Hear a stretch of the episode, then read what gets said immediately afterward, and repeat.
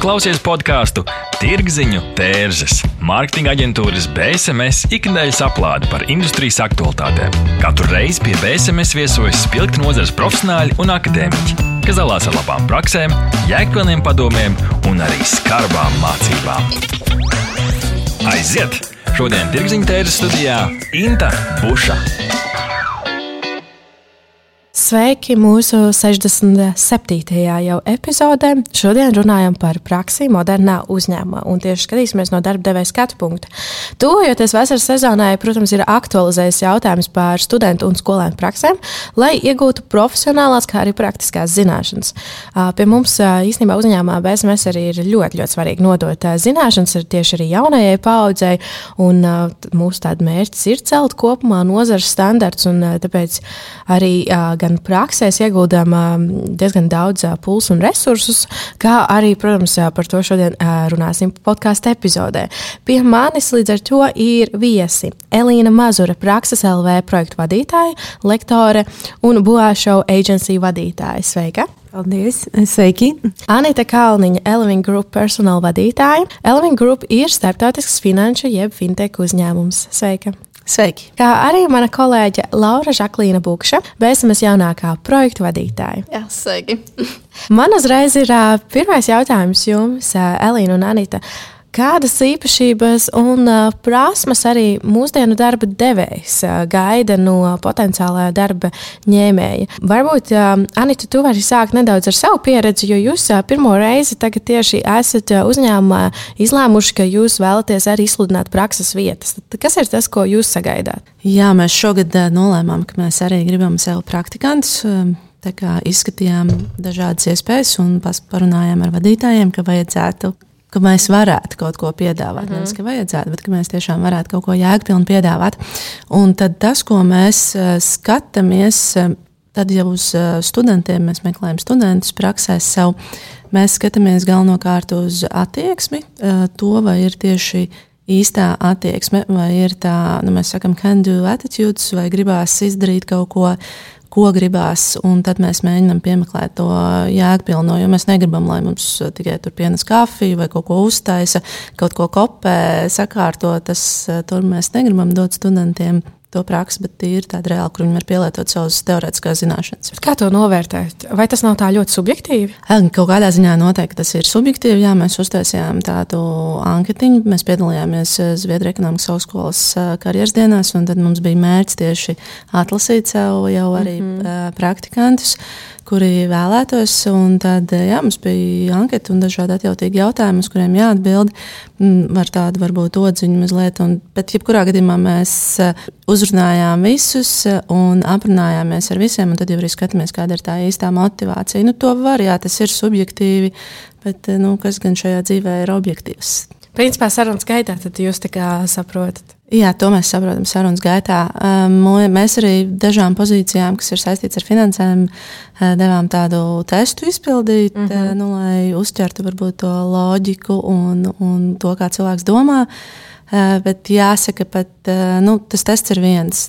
Otra daļa noteikti ir attieksmes, attieksmes jautājums. Un vai ir tas culture fit, nu, lai būtu tāda laba pieredze. Jo mēs gribam, lai viņi aiziet pēc tam un atcerās, ka tur gan bija nu, rīktīgi forši un labi. Elīna, kā tas no tevis puses praksē LV jums ir ļoti daudz vakances, un jūs esat tas vidutājs starp skolēniem, studentiem no vienas puses un darba devēju no otras puses? Nu jā, es pati arī pasniedzu lekcijas gan arī tehnikumu studentiem, gan arī vidusskolniekiem, un tad mēs bieži vien runājam, kāda ir šī, kādās, kādām jābūt šīm īpašībām, ja, kuras visvairāk novērtētu darba devējs, un, protams, tā ir, manuprāt, pirmām kārtām motivācija. Motivācija attīstīties, motivācija, kas arī mainīt šo attieksmi, piekārtoties. Ja? Un, uh, Jā, man liekas, tas ir, tas ir pats svarīgākais, jo, diemžēl, ja šīs motivācijas nav, tad, uh, nu, protams, arī kaut kāda personīgā interese arī šajā kaut kādā jomas attīstībā. Un personīgās izaugsmas interesē. Jā. jā, man liekas, varbūt jau var pieminēt vēl, kad tie praktikanti, kad viņi arī meklē, nu, protams, ka viņi grib kaut ko darīt, un darba devējiem tas tomēr ir ieguldījums laika un sava resursa. Nenoliedzami milzīgs bieži. Jā, un jā. tad gribās iedot nu, to, to, to, to tam cilvēkam, kurš ir gatavs to ņemt, ņemt pretīm un paņemt un pamācīties, un, jā, lai ir apusē izdevīgi. Jā, varbūt tad, uh, Anita, vēlreiz, uh, varbūt, uh, cik svarīgi pēc jūsu domām ir mācīt uh, strādāt komandā šim praktikantam. Uh, varbūt vai darba devējs uh, dotu priekšroku, nu, jūs kā darba devējs uh, dotu priekšroku ekstravertam vai tomēr introvertam uh, praktikantam, vai uh, tam tomēr varbūt nav nozīmes? Jā, Laura, es domāju, jā, ļoti labs un interesants jautājums. Um, manuprāt, tam nav īsti nozīmes. Tas ir atkarīgs no pozīcijas. Arī noteikti nu, finansists viņš var būt gan introverts, gan ekstraverts. Tur nav tā, kā, tā, ka viens ir labāks vai sliktāks. Katrs no tām īpašībām dara kaut kādos aspektos, un tas gan noteikti nav. Ja mēs runājam par komandas darbu, um, tad nu, noteikti ir jābūt, vismaz mūsu uzņēmumā, noteikti jābūt vēlmei strādāt komandā. Mums komandas darbs arī ir viena no vērtībām, tādā ziņā, ka mēs eh, nu, gribam sarunāties un, un rast tos radošos risinājumus, eh, strādājot kopā, nevis tikai atnāk un izpildot darbu. Es nezinu, Elīna, kā. Es arī pilnībā piekrītu par to, ka tas ir atkarīgs no paša darbiņa, ko viņš dara. Kaut kas vairāk piestāv introvertam, tā teikt, kaut kas ekstravertam. Un, jā, tur jau vairāk varētu teikt par dažādām jomām, protams, kas būs saistītas tādu tiešo apkalpošanu, pārdošanu. Iespējams, ekstravertam būs teikt, lielāks fans to darīt, ja viņam patīk šī kaut kāda jaunā visu laiku pieredze. Nē, ne tikai pieredze, bet komunikācija ar daudziem jauniem cilvēkiem. Un, Bet introvertam noteikti citi darbi labāk sanāks. Tas ir ļoti individuāli. Es domāju, ka kaut kādā ziņā, nu, ja tā pastāsta HR, tad uh, viena no tādām teorijām ir tas, ka uh, darba devējs vai HR speciālists, kas respektīvi veids un pieņem šo lēmumu atlases procesā, kaut kādā brīdī mēs uh, meklējam līdzīgus cilvēkus, mēs uh, kaut kādas īpašības meklējam. Tas jautājums atkal, vai vajadzētu laust un meklēt kaut ko pilnīgi atšķirīgu, tā lai viņš mūsu komandu papildinātu un ienestu pilnīgi svaigas vēsmas, kas mums varbūt pietrūkst. Tas ir atkal cits jautājums, bet par ko es domāju? Vai nav tā, ka tāda aktīva, dinamiska, ļoti uz āru vērsta komanda, kurā ir ļoti spilgts personības, viņi meklē arī spilgtu personību, viņi to pamana un novērtē. Un atkal komanda, kas ir varbūt ļoti mierīga, nosvērta, sazemēta, ka viņi atkal meklē cilvēku praktikantu, kurš uz tiem trim mēnešiem arī var būt sazemēts. Vai tā nav, vai tā ir? Nu, no savas pieredzes var teikt, ka note, nu, meklēt to kompetenci, kas ir vajadzīga, ko varēs izpildīt. Tur sākumā nu, nočuko to, vai tas cilvēks tiešām atbilst tīri pēc tādas eh, kompetences, viņš varēs izdarīt. Mm, Bet tas aizspriedums vai tas bajas, kurš sākās, ka mums dabiski patīk cilvēki, kas ir mums līdzīgi. Un tad ir nu, Nu, tāpēc ir HR speciālists, viņš ir HR speciālists vai vadītājs, kurš eh, nočakot, nu, mēģina nolikt plauktiņā to savējo, kas man patīk, bet skatīties, kā tas darbosies kopā komandā.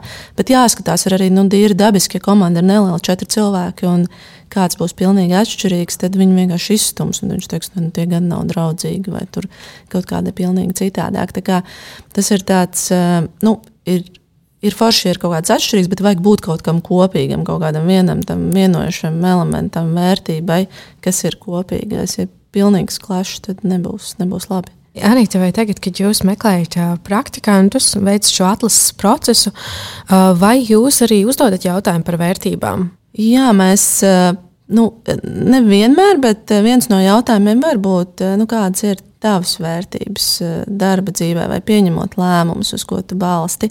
Nu, ir daži vēl tādi nu, triku jautājumi, ar kuriem izprot tās, tās cilvēku vērtības. Jo tā jau noskaidrot var eh, nu, diezgan ok. Man tur ir komandas darbs, pastāstīt, kas ir mājaslapā uzņēmumam rakstīts un pasakot to pašu.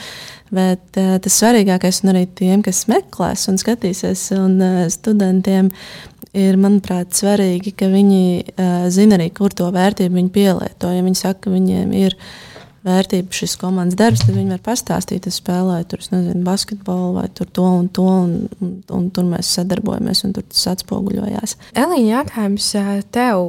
Mēs jau nedaudz sākām runāt par šīm prasmēm un zināšanām, kas ir vajadzīgas un ko arī darba devēji meklē. Kas tu te, ko tu teiktu, kādi ir varbūt tādi trendi vai tendences, un kas tavuprāt attīstīsies turpmākajos gados, runājot tieši par praksēm? Jo, kā mēs iepriekš arī minējām, darba devējiem tas ir liels ieguldījums, tie ir resursi, tā ir, principā tā ir investīcija. Es to kā uzņēmuma vadītāja bieži redzu, ka tiešām došanu sabiedrībai, jaunās paudzes izglītošanu, ne obligāti kaut kādu komerciālu mērķi, un, un, un nu, tiešām, ka man tas tūlīt nesīs kaut kādu peļņu vai ienesumu tādā finansiālajā jautājuma nozīmē. Bet, jā, kā, kā, kādas tavā pusē izskatās? Mm, kādas tendences tieši ir? Tā, jā, kādas ir tendences, un ja mēs runājam arī par šīs vispār nozares attīstību, um, vai tu redzi, ka mainīsies tās prasmes, ko darba devējs sagaida? Vai varbūt viņas vispār nav mainījušās? Nu, uh, man liekas, ka uh, ir jau mainījies, un kā, kā arī Anita iepriekš teica par to, ka uh, negribās jau praktikantam likt kaut kādus melnos darbiņus darīt. Bet vairāk ir doma par to, ka to praktikantu tiešām izglītot, apmācīt ar tām jaunajām prasmēm, zināšanām. Varbūt iespējams tas ir nākotnes arī darbinieks. Ja? Un, man liekas, jā, tagad ir tāds tāda tā svarīgākā vērtība, kad tiešām izskolot to, to jaunieti, to praktikantu, dot, jā, protams, praksa tas arī ir laiks, tās ir, tās ir, tā, laiks ir nauda, ja, un šīs visas zināšanas un prasmes ir tiešām ļoti, ļoti svarīgas un vērtīgas, un par to apzinās gan uzņēmēji pusē, gan arī daudz studentu to jau saprot.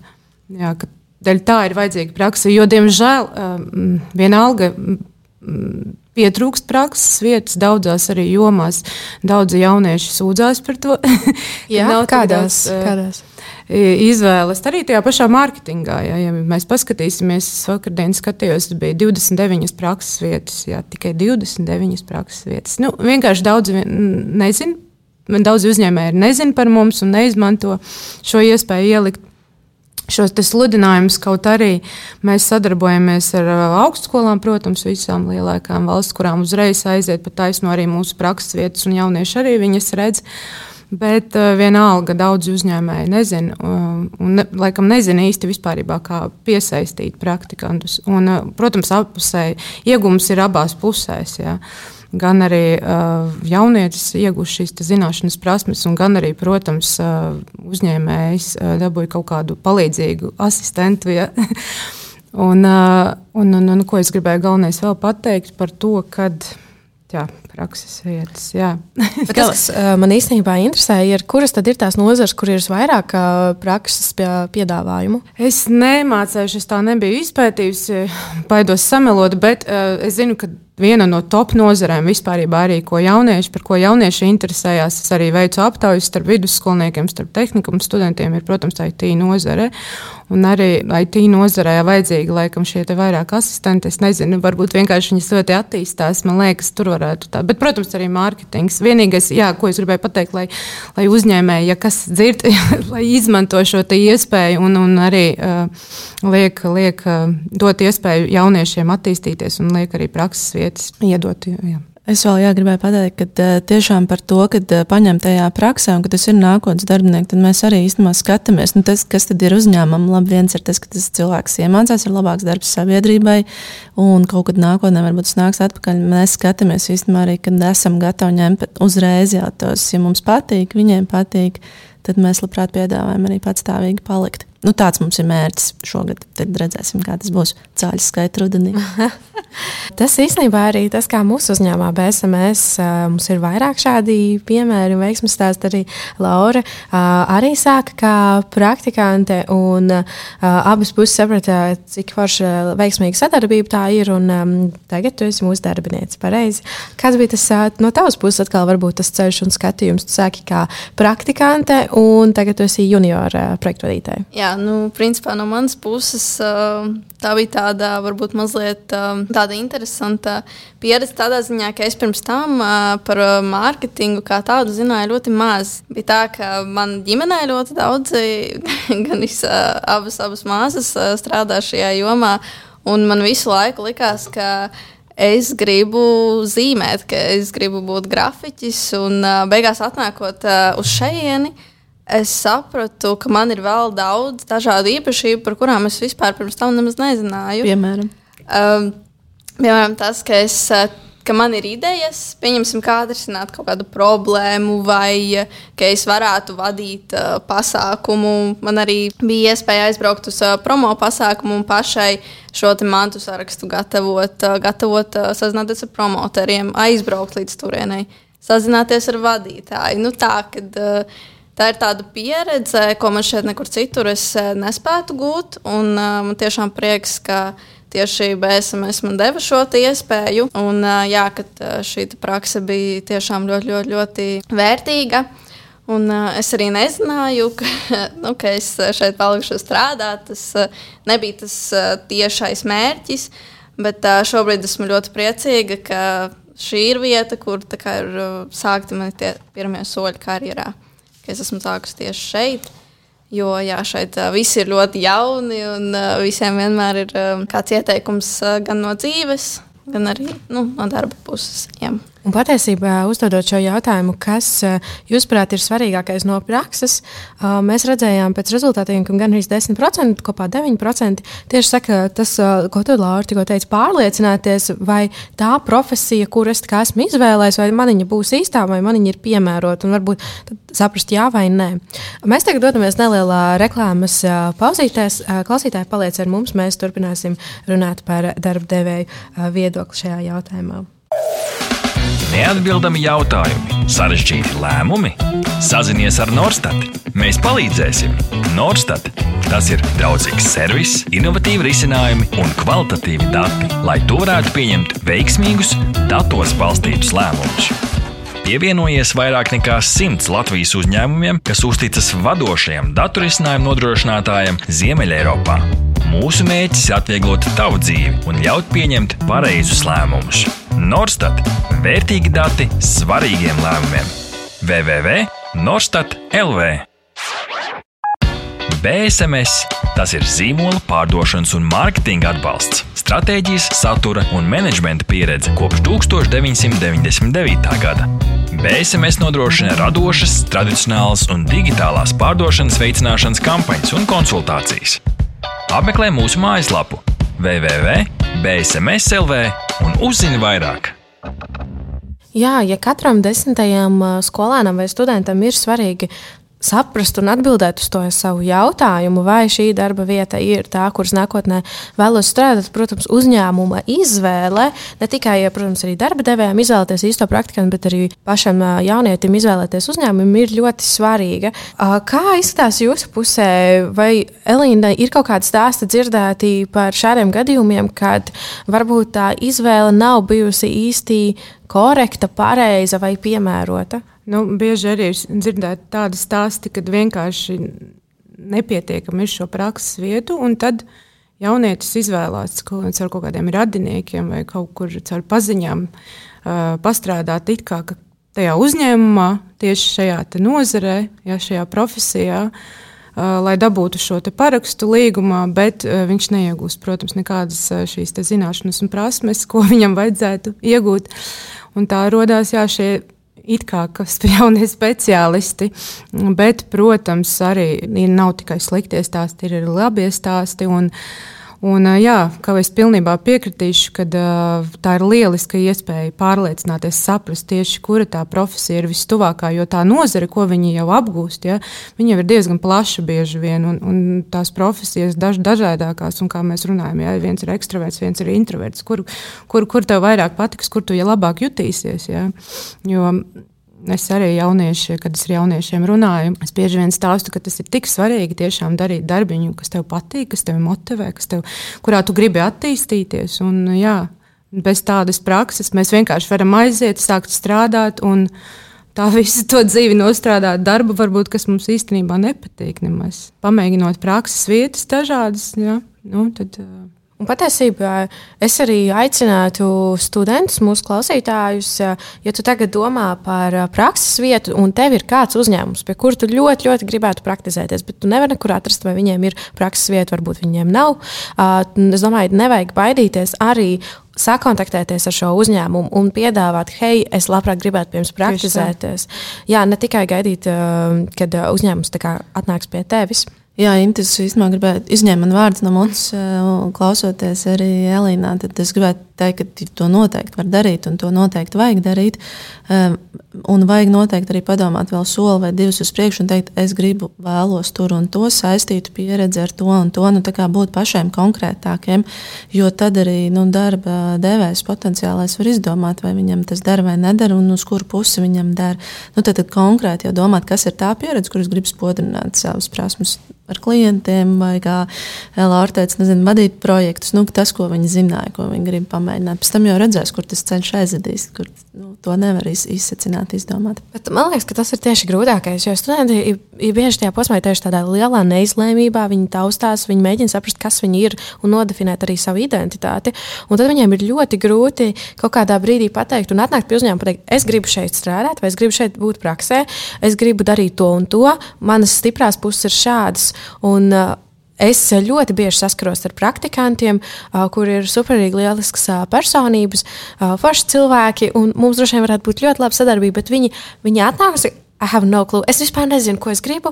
Es nezinu, kas man padodas, kas man patīk. Vai tas ir arī tas, ko jūs uh, dzirdat un saskaraties, vai, vai nav jums tādas situācijas? Nu, man pieredze laikam tāda tieši līdz mums neatnāk. Mums, man, nu, vismaz pie mums atnāk jau diezgan tādu skaidru, vismaz viņiem liekas, ka viņi zina. Tas, ka pēc tam tas izrādās, ka tas nav tas, eh, bet manuprāt, ir ļoti ok, ja cilvēks saka, šobrīd es domāju, ka man derēs tas un tas, un es gribu pamēģināt to un to. Tāpēc, ka, nu, es domāju, ka tur vajag nu, vismaz divus teikumus izdomāt, nu, kas ir tas, kas man interesē. Nu, ja pilnīgi nekas neinteresē, nu, tad man. Nu, tad, Tas, nu, ja tev neinteresē, kāpēc man vajadzētu interesēt? Nu, jā, nu, kā, tad, jā. tad man jādomā, nu, jā, tīri tā no darba devēja viedokļa puses, tad es noteikti izvēlēšos to, kurš būs. Bet tas nekas, ka viņš kļūdās vai runā.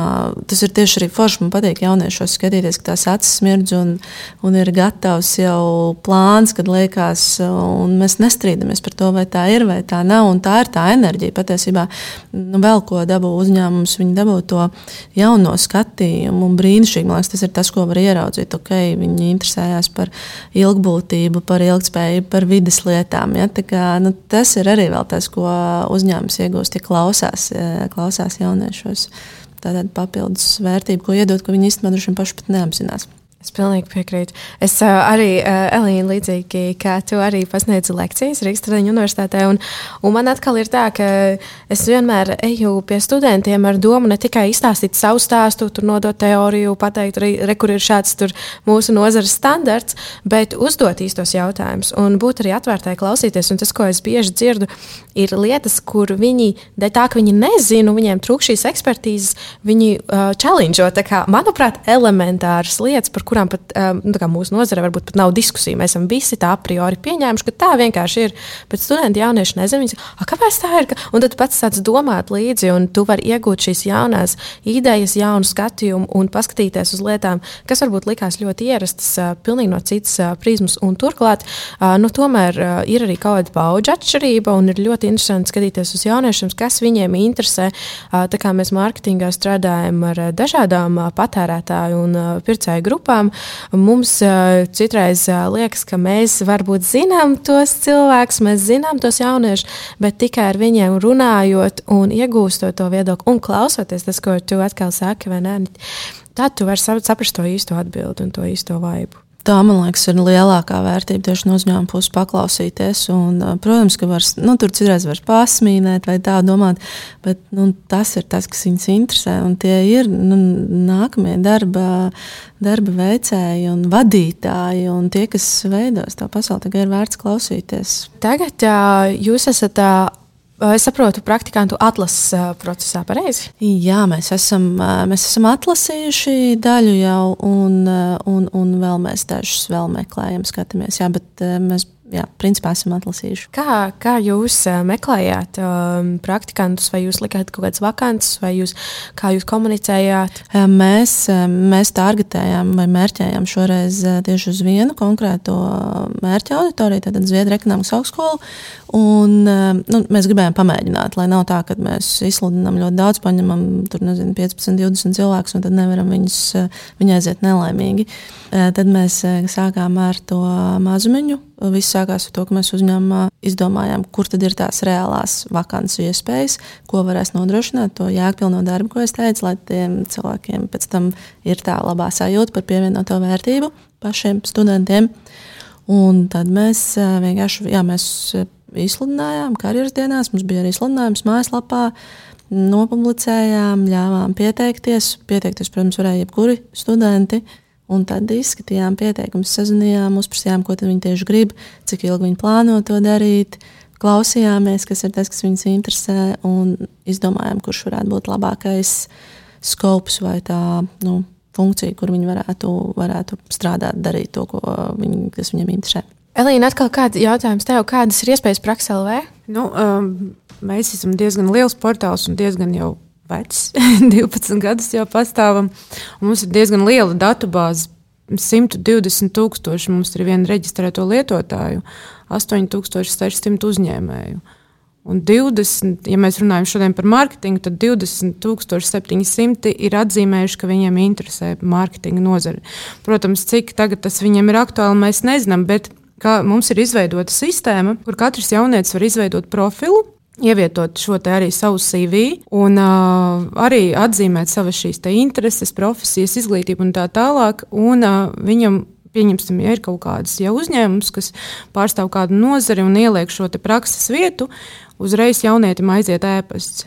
Un ja viņš piesakās, tad arī uzņēmējs redz uzreiz šo sarakstu ar jauniešiem, kur ir pieteikušies. Viņš arī ar viņiem turpat var uz vietas sazināties, gan arī atzīmēt savu favorītu, ja, vai arī apstiprināt vai noraidīt šo kandidātu. Jebkurā gadījumā mēs veicam visu, lai visiem būtu ērti, lai uzņēmējs uh, ērtāk varētu sazināties ja, ar savu potenciālo darba, deve, darba ņēmēju vai arī praktikantu vai arī otrādāk. Ja. Kā arī uzņēmumi, protams, izveidot var arī savu profilu, kur var apskatīt arī šo informāciju. Un, uh, uzējot arī šo profilu, var redzēt visas šīs vakantās uh, prakses vietas vai arī darba vietas, ja? un mm -hmm. uh, vēl kaut kādu papildus informāciju. Ja? Nu, respektīvi, mēs veidojam tādus kaut kādus profilus gan uzņēmējiem, gan e, jauniešiem, kur, kur vieglāk var apskatīt viens otru tieši profesionālā ziņā un arī sazināties. Tagad, klausoties, sapratu, ka, ne, ka mums ir, būs īstenībā laikam vēl viena praktikanta. Es labprāt iz, izmēģināšu praksē, lai iespējas tikai. Jā. Jā, un, starp citu, prakses ievietošana ir bez maksas. Mm. Un arī aiziet uz, uzreiz arī uz citām augstskolām šī visa informācija. Jā.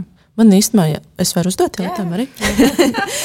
Man jautājums, kā mēs savas prakses vietas piedāvājam par, par maksu, kāda ir vispār tendence, Elīna, vai tev ir informācija par to, vai...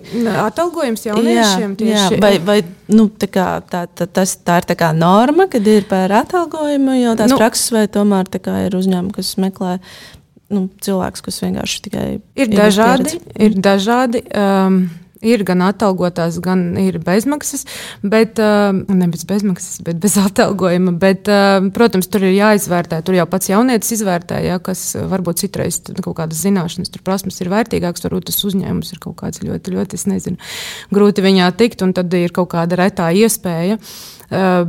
Bieži vien tie arī ir mazie uzņēmumi, vienkārši ka varbūt iespējams viņi nevar atļauties šo atalgojumu, un viņi dos tikai šīs zināšanas un prasmes.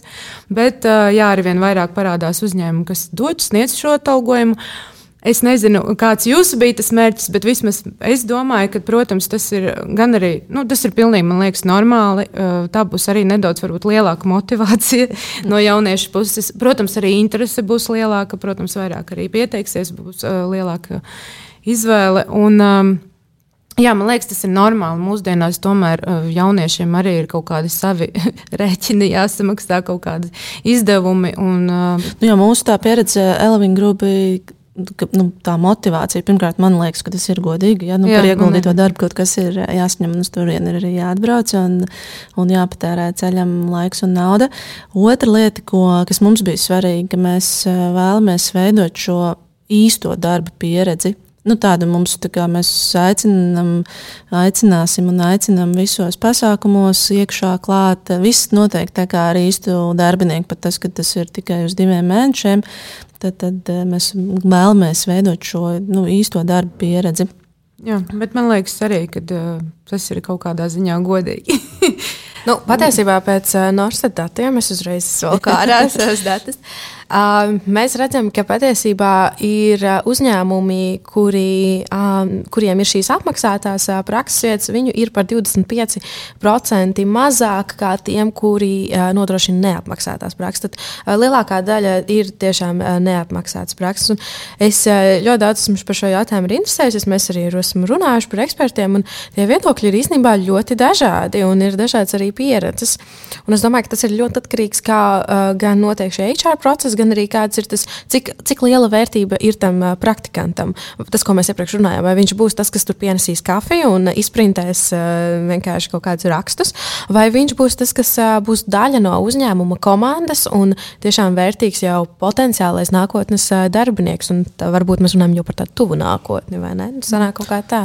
Nu, jā, nu šobrīd, tad, kad eh, saka, jā, ka karš par talantiem ir beidzies, jo talanti ir uzvarējuši, nu, manuprāt, tad, um, es domāju, ka tur ir arī nu, tas, tas ir tikai tāds veselais saprāts, sakot tam, ka uh, nu, šie cilvēki pēc gada, diviem, trīs būs pilnvērtīgi darba ņēmēji, un mēs par viņiem cīnīsimies un gribēsim viņus.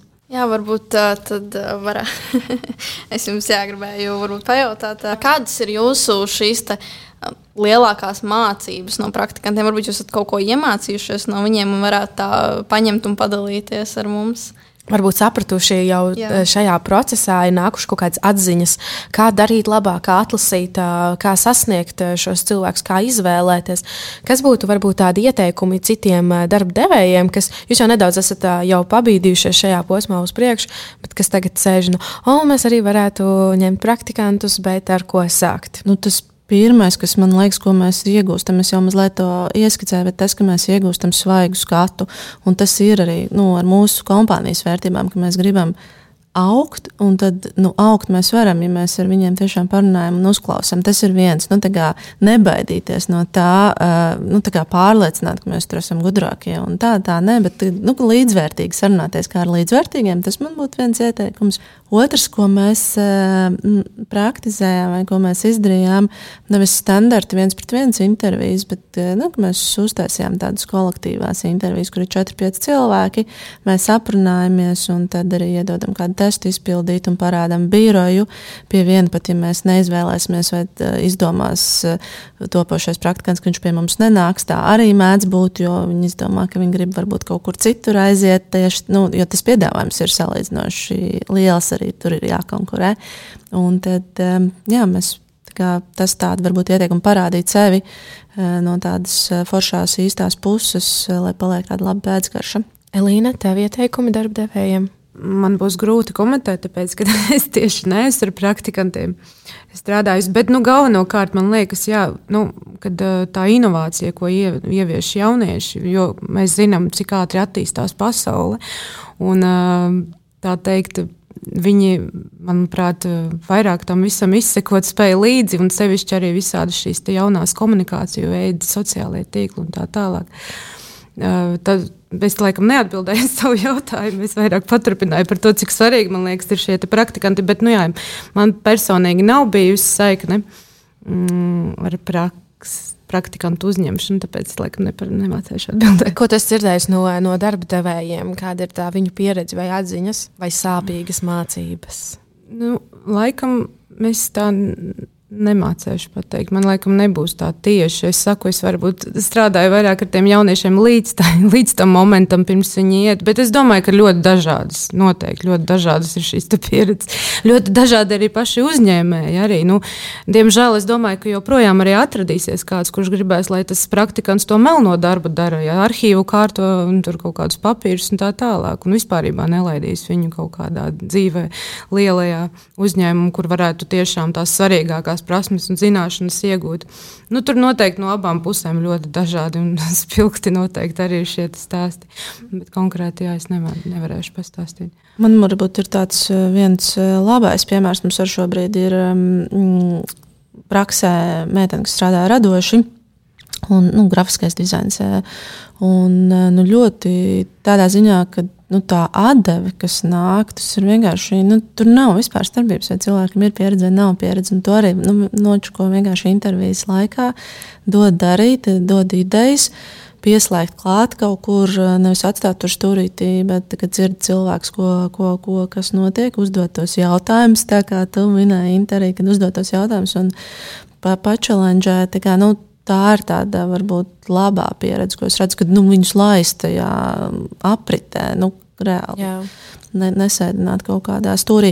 Bet par tas, kas varbūt tas nav bijis ar praktikantiem, bet tādiem jauniem cilvēkiem, kas tikko nu, uzsāk darba gaitas, mana pieredze rāda, ka ir ļoti svarīgi vienoties vienkārši skaidri un gaiši par noteikumiem. Jo kaut kā, es nezinu, nu, ir viena daļa jauniešu, kas ir ļoti, ļoti atbildīga, un ir otra daļa jauniešu, nu, kā, nu, es taču atnācu, nu, es atnācu 12. Nu, tas nekas, kad 11. mēs varbūt gaidījām, vai tur bija, o, nē, nu, es, o, nu tad man tur aizkavējās vakardien vakarā pasākums, nu, piemēram, un ka viņiem nav skaidri tie nu, noteikumi, uz kādiem mēs uh, sadarbojamies un strādājam, tad vienkārši runāt, ka tu esi sapratis no tā, nu, kas, kas ir tavā atbildībā. Nu, tāds, tāds varbūt ieteikums. Kas būtu noslēdzot uh, šo epizodi, jums uh, novēlējums uh, mūsu klausītājiem, gan studentiem, gan darba devējiem, gan uzņēmumiem, kas jau nodrošina prakses vietas, vai varbūt tādi, kas tikai par to vēl domā? Elīna? Nu, studentiem noteikti es ieteikšu ņemt no dzīves visu, ko var arī šajā momentā. Jā, meklēt dažādas iespējas, tiešām pamēģināt jā, dažādas šīs profesijas šajā nozarē, ko viņi studē. Un interesēties, interesēties par uzņēmumiem arī noteikti, kāda ir Latvijā, kas pārstāv. Ja? Mums ir internets, viss var atrast, viss var apskatīties un, un meklēt tiešām arī iespējams vienkārši sazinoties un piesakoties. Varbūt uzņēmēji par to pat nebūs iedomājušies un beigās dabūs gan labu praktikantu, varbūt arī nākamo darbu Mm, ņēmēju. Ja? Un uh, uzņēmējiem arī nebaidīties noteikti dot šī, šo iespēju. Es kā teicu iepriekš, abās pusēs ir, protams, ieguvēji. Un, uh, Nu, es nezinu, uh, starp citu, kāpēc praksē LV daudzi uzņēmēji tieši meklē šos darbiniekus. Uh, jo, nu, varētu nevis tiešais tāds konkurents, bet varētu teikt, tas tāds, kur vēl meklē jaunos speciālistus, ir CV online LV. Jā. Un CV online LV tur vairāk būs tādi nu, cilvēki, tur jau ar izglītību, par šo pieredzi. Bet daudzi uzņēmēji labprāt ņem zaļākus, ja varbūt uh, nedaudz netik pieredzējušus šos speciālistus, studentus, bet viņi zina, ka viņi būs elastīgi, ja viņi būs motivēti, viņi ātri apgūs šīs zināšanas un prasmes un ieviesīs arī kaut kādas inovācijas un tā tālāk, protams, lai viņi varētu ar savu atbildību arī strādāt pietiekami komandā. Bet Uh, jā, varbūt kādam profesionālam jau būs grūtāk. Nu, tā mm -hmm. teikt, viņš jau ir ieradies, viņš mm -hmm. grib celties tajos 12. un, un viss. Un, un, jā, tāpēc uh, arī aicinu citus uzņēmējus arī meklēt un dot iespēju šo, šiem jauniešiem, šiem jauniem speciālistiem. Varbūt jā, veltīt nedaudz laiku apmācot viņus. Uh, ļaut viņiem kļūdīties, ļaut viņiem pārvarēt sevi un attīstīties, bet uh, iespējams, ka viņi dabūs beigās lieliskus darbiniekus, kas attīstīs arī uzņēmumu nākotnē. Mm -hmm. Man tiem meklētājiem tad uh, atgriezīšos pie tā, ka tomēr noformulēt, uh, nu, kas viņiem šobrīd liekas, uh, ko viņi grib. Un, ja viņi iet uz to uzņēmumu, tad kāpēc tas tieši uzņēmums, kur viņi redz to pievienoto vērtību tieši tajā uzņēmumā, kāpēc pievienoties. Es domāju, tas būs bonus, bonus punkts un varbūt sapratīs pirms tam jau, ka šajā gribu un tajā uzņēmumā kā negribu. Tad nu, uzņēmējiem un darba devējiem nu, es arī atkārtošu, es teikšu, klausīties, kas tad ir tiem nākamajiem darba ņēmējiem svarīgi un varbūt viņus neuzreiz nemācīt un nelikt tajā kastē, kurā mēs esam pieraduši, bet eh, atstāt to, to, to šķirbi brīvu un paskatīties, kas tur, kas tur nāk ārā, ko viņi vēlās, ko viņi grib. Un, un, un varbūt ļauties tam izmantot kādas lietas. Būt atvērtiem un ieklausīties arī darba devējiem, domājot par saviem praktikantiem. Lielas paldies teikšu gan tev, klausītāji, gan arī saviem viesiem. Pie manis studijā bija Elīna Mazure, Anita Kalniņa un Laura Žaklīna Buša. Paldies! Paldies, ka klausījāties BSMS podkāstu Tirziņu tērzes. Aplādi ar labām praktiskām, jēgpilniem padomiem un skarbām mācībām. Patika epizode? Dalies sociālajos medijos, ir idejas tēmām vai viesiem? Raksti mums! Tās bija Tirziņu tērzes. Tiekamies nākamnedēļ!